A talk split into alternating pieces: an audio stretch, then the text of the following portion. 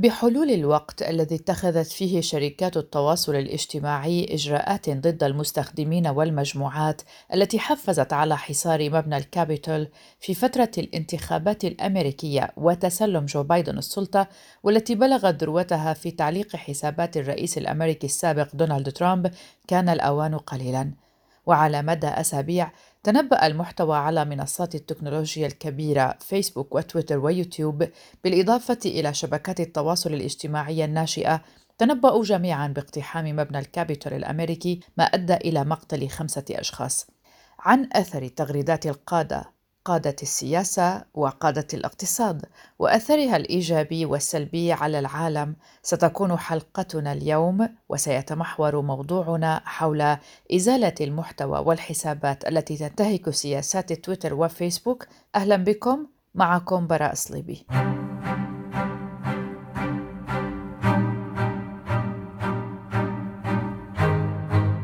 في إحدى منشورات فيسبوك التي حددتها مجموعة أفاز وهي مجموعة عالمية تدعي الشفافية والحيادية وتهتم بالإحصاءات ظهر رسم لترامب يحمل بندقية آلية أمام البيت الأبيض مصحوبا بعبارة تعال وخذها أوقف تويتر حساب ترامب بشكل دائم وعلق أيضا الحسابات التي تنتمي إلى بعض معجبيه وقال موقع تويتر إنه قرر تعليق حساب دونالد ترامب بشكل دائم خشية حدوث المزيد من التحريض على العنف، وأضاف أن القرار اتخذ بعد مراجعة دقيقة للتغريدات الأخيرة على حساب ترامب والسياق المحيط بها، وقالت متحدثة باسم تويتر: إن الشركة اتخذت إجراءات على آلاف الحسابات التي كانت تحاول التسبب في ضرر في العالم الحقيقي.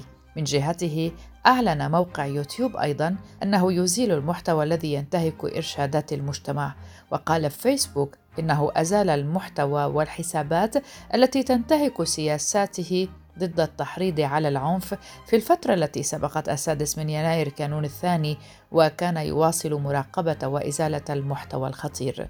وكانت شركة فيسبوك منعت ترامب من النشر على منصتها لمدة 24 ساعة بعد أن أزالت مقطع فيديو نشره لمؤيديه الذين شاركوا في أعمال الشغب.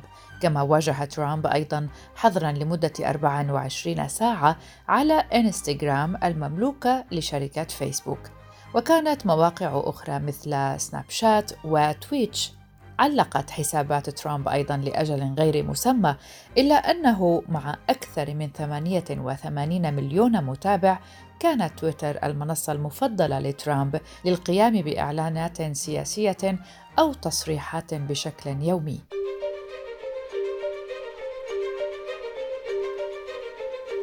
أكثر من سبعين ألف حساب مرتبطة كلها بكيو آنون الحركة اليمينية المتطرفة التي تؤمن بنظرية المؤامرة وتؤيد الرئيس المنتهي ولايته دونالد ترامب. أعلنت تويتر في الثاني عشر من يناير كانون الثاني في العام الحالي أعلن أنه جمد بصورة نهائية هذه الحسابات. أشار تويتر إلى أنه أزال هذه الحسابات لمنع أصحابها من استخدام المنصة للترويج للعنف.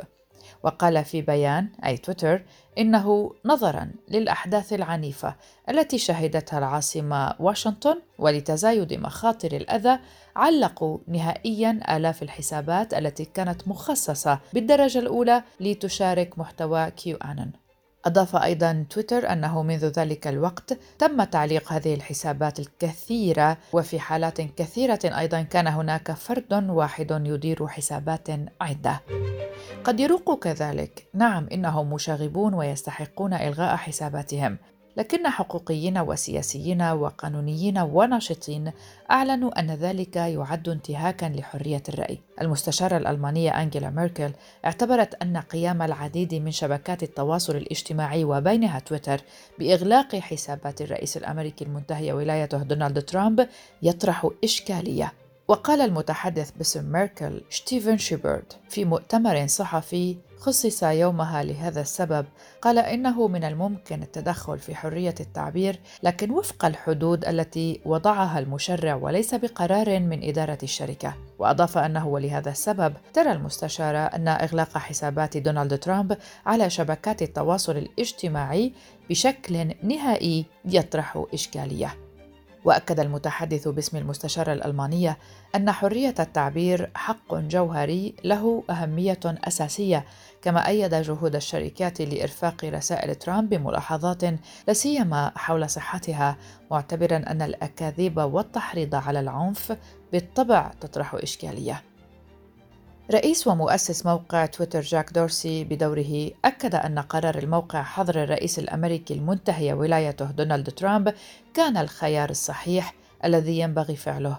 ومع ذلك فقد أعرب دورسي عن حزنه لما وصفه بالظروف غير العادية والتي لا يمكن تحملها المحيطة بالتجميد الدائم لحساب ترامب. وفي سلسلة تغريدات له قال دورسي إن الحظر كان إخفاقا جزئيا لتويتر الذي لم يفعل ما يكفي لتعزيز محادثة صحية عبر منصاته. ولفت دورسي إلى أنه لا يحتفل ولا يشعر بالفخر للحظر الذي جاء بعد أحداث الشغب في مبنى الكابيتول. مجددا التأكيد أن حظر ترامب من تويتر جاء بعد تحذير واضح للأخير. وكانت عملية إلغاء حساب ترامب حدثا تاريخيا واستثنائيا إلى جانب مجموعة تفاصيل حدثت وعايشناها للمرة الأولى. لكن بما يخص موضوعنا الرئيسي اليوم أود أن أخبركم أنه ليس الحدث الوحيد الذي قام من خلاله موقع ما بحذف حسابات أفراد أو جماعات.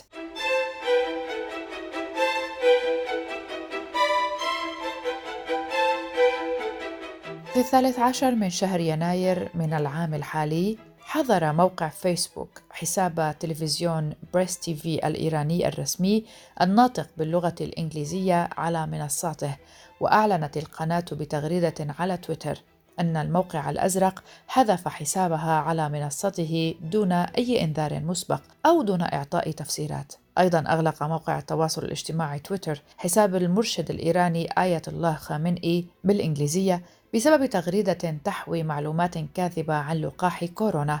القصة تقول إن خامنئي نشر تغريدة قال فيها إن بلاده لن تستورد اللقاحات الأمريكية والبريطانية لأنها غير آمنة وقال بأن استيراد اللقاحات المصنوعة في أمريكا والمملكة المتحدة ممنوع لأنهم غير جديرين بالثقة إطلاقا وليس من المستبعد أن يريدوا الإضرار بالشعوب الأخرى.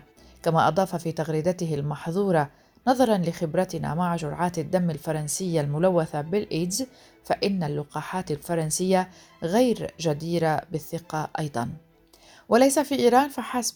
ففي تغريدة صينية غير إنسانية ضد الإيغور تغلق حسابات السفارة الصينية في أمريكا على تويتر. ومرة أخرى تعود إلى الواجهة مأساة الانتهاكات الصينية ضد أقلية الإيغور المسلمة. خصوصا بعد أن قرر تويتر إغلاق حساب سفارة الصين في الولايات المتحدة الأمريكية بسبب تغريدة عن نساء من الإيغور واعتبرت هذه التغريدة غير إنسانية. ففي يناير من هذا العام شنت الولايات المتحدة الأمريكية ومن خلال وزير الخارجية السابق مايك بومبيو شنت هجوما على سياسات الصين حول أقلية الإيغور المسلمة نتيجة للانتهاكات الصارخة التي تتعرض لها هذه الأقلية حتى في الولايات المتحدة الأمريكية، إلى جانب أن أفرادها الذين فروا إلى دول مختلفة منها أستراليا بسبب ما يعانونه من اضطهادات وظلم وانتهاكات لا إنسانية على يد الحزب الشيوعي الصيني. تويتر أصدر تصريحا انتقد فيه ما قامت به السفارة الصينية في الولايات المتحدة الأمريكية حيث قام حساب السفارة الصينية بالتغريد بأن نساء الأوغور قد تم تحريرهن من كونهن آلات لإنجاب الأطفال. فيما ذكرت رويترز أن التغريدة نقلت عن دراسة نشرتها صحيفة تشاينا ديلي الحكومية. وقالت تويتر إنها أغلقت حساب سفارة الصين في الولايات المتحدة بسبب هذه التغريدة التي انتهكت سياسة الشركة ضد نزع الصفة الإنسانية. وكانت منظمات حقوقية قالت إن الصين احتجزت ما يصل إلى مليون شخص من الإيغور خلال السنوات القليلة الماضية داخل ما تطلق السلطات الصينية عليه معسكرات إعادة تأهيل ودائما ما تتعرض الصين لانتقادات واسعة بسبب آلية تعاملها مع أقلية الأيغور إذ أعربت الأمم المتحدة بشكل مستمر عن بالغ قلقها بسبب حملات الاعتقال الجماعية التي تنفذها السلطات الصينية ضد شعب الأيغور. لا سيما هؤلاء المحتجزين فيما يسمى بمعسكرات التأهيل. وهو ما تنفيه السلطات الصينية وتؤكد أن هذه المعسكرات هي بمثابة مدارس داخلية وأن تواجدهم داخلها لتثقيفهم كونهم من المتشددين. وكانت مفوضية حقوق الإنسان في الأمم المتحدة أكدت أكثر من مرة تلقي العديد من التقارير الموثوقة التي تتحدث عن احتجاز نحو مليون شخص من أقلية الايغور في مراكز مكافحة التطرف. وكانت تقارير إعلامية قالت إن السلطات الصينية أمرت الإيغور بتسليم جميع المصاحف وسجادات الصلاة أو غيرها من المتعلقات الدينية وإلا فإنهم سوف يواجهون عقوبة وذلك بحسب ما نقلته صحيفة الإندبندنت البريطانية عن مصادر إيغورية في المنفى عام 2017 كما منعت إطلاق اللحى والنقاب في الأماكن العامة ومعاقبة من يرفض مشاهدة التلفزيون الرسمي.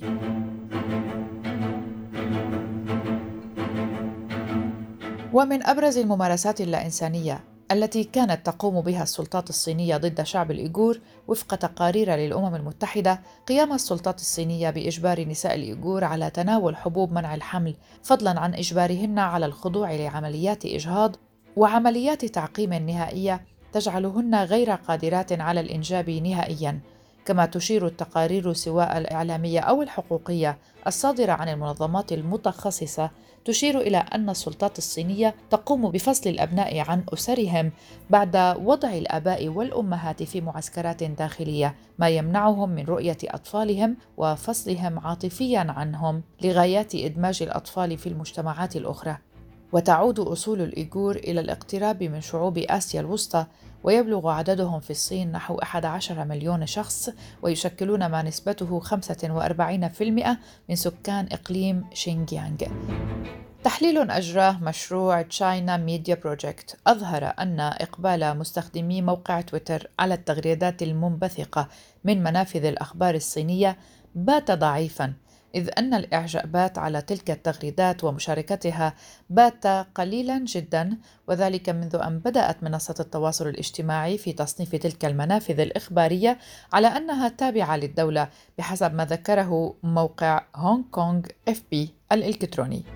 وعبر مقارنة التغريدات المأخوذة من عينة تضم 33 حسابا صينيا رسميا ضمن تويتر على مراحل تمتد لخمسين يوما قبل وبعد تنفيذ السياسة الجديدة في أغسطس آب 2020 فقد وجد المشروع أن التغريدات موضوع الدراسة. أظهرت عددا قليلا من المشاركات والإعجابات بشكل ملحوظ.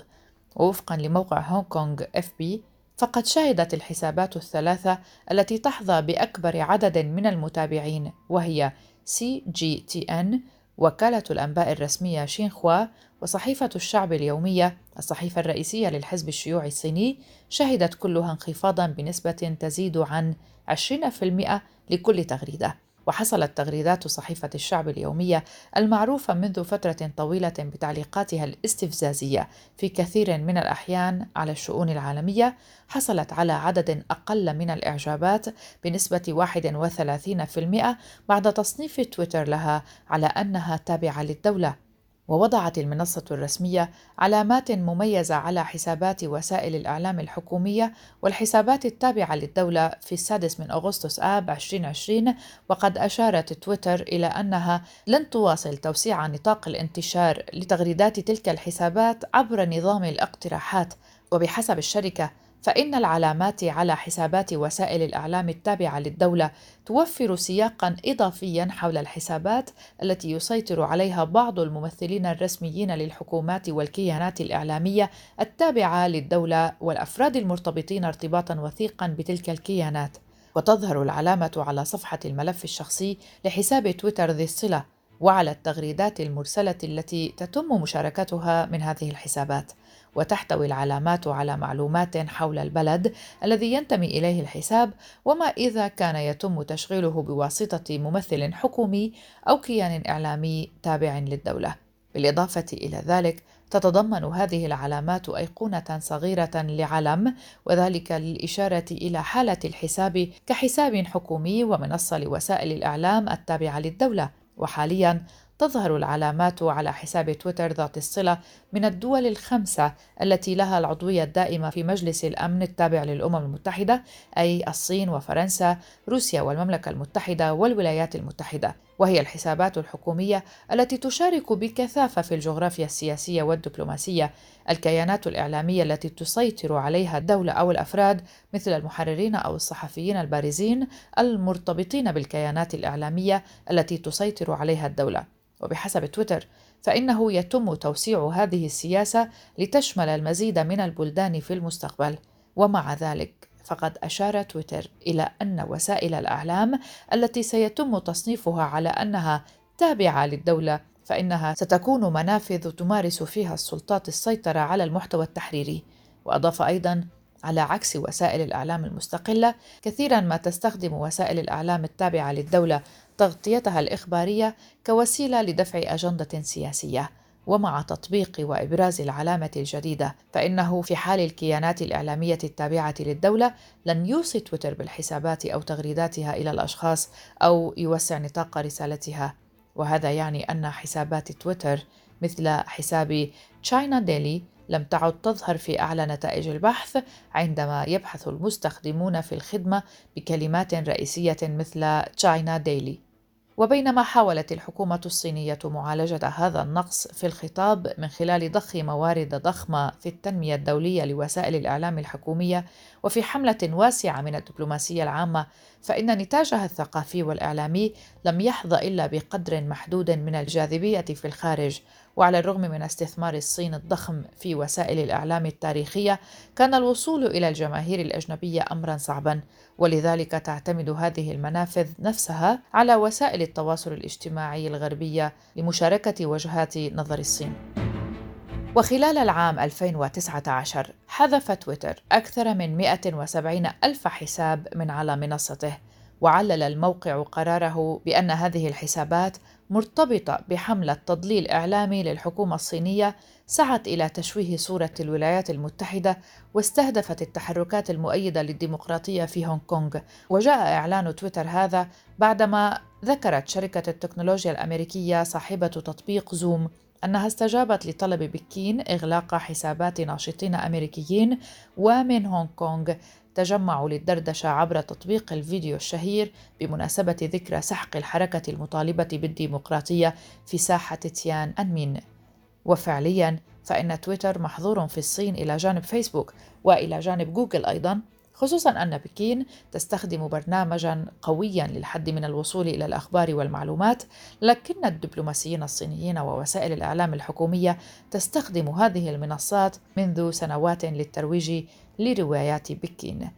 وعبر باحثون وحكومات غربية عن مخاوفهم من أن تنشر الصين شبكات من الحسابات التي تسيطر عليها الدولة أو المرتبطة بها تحجب المستخدمين الفعليين لنشر الرسائل الحكومية أو أنباء مضللة. إذا تويتر لا يحارب ويلغي حسابات الأفراد والمجموعات فقط، تويتر يحظر في بعض الدول وهذا جانب آخر لقمع الحريات لكن بصورته المعاكسة.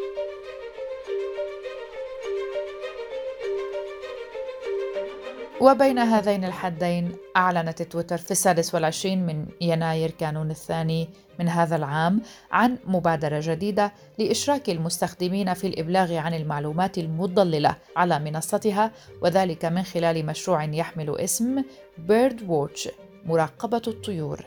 وسيتم تشغيل بيرد ووتش بشكل منفصل عن تويتر حيث يسمح للمستخدمين بالتعريف عن التغريدات التي يمكن أن تكون مضللة أو مزيفة وفق ما ذكرت المنصة التي تبذل جهودا لاستئصال المحتويات المزيفة والمضرة.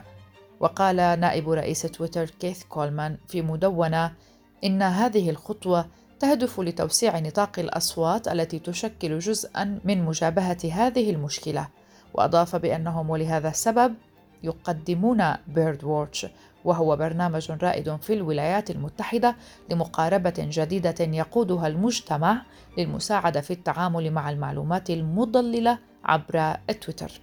تجدر الإشارة هنا إلى أن هذا البرنامج متاح حاليا في الولايات المتحدة فقط. هذه كانت حلقة جديدة من بودكاست في 20 دقيقة. شكرا لكم لحسن الاستماع، نلتقي في حلقات مقبلة. إلى اللقاء.